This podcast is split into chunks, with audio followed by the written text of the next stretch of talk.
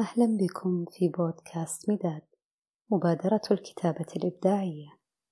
الكتابة عالم موازي هنا نسمعكم صوت الكلمة.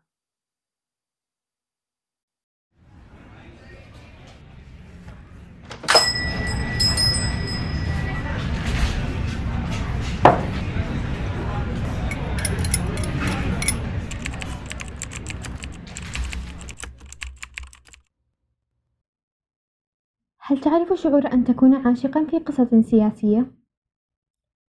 أن يكون وجودك مجرد تشبيه لتلك القضايا والصراعات، أن يستخدم صوتك لأجل غاية لا تحمل من الوجدان شيئًا.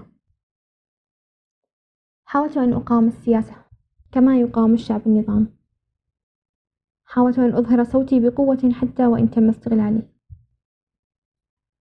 حاولت أن أصل لها لتلك الفتاة التي سلبت فؤادي. لم يكن الكاتب مهتما بي كان يعتبرني شخصية مساعدة وكانت هي الشخصية الرئيسية. حرمني منها لكي يوصل هدفه السياسي. يشبهني بالإعلام الفاسد. الذي يسحب الجميع إلى بقعته السوداء وكانت هي من يقصدها بالجميع. كتبت رسائل الحب فطمس أغلبها. مبادراتي البائسة لم تصل لها.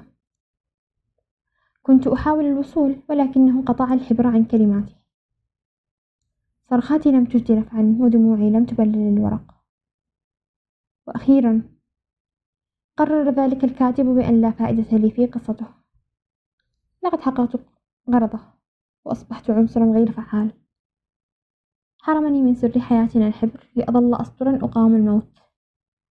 حتى ماتت ملامحي بين تلك الكلمات وبقيت محبوبتي تعيش في تلك القصة. يرسم قدرها بيدي قاتلي.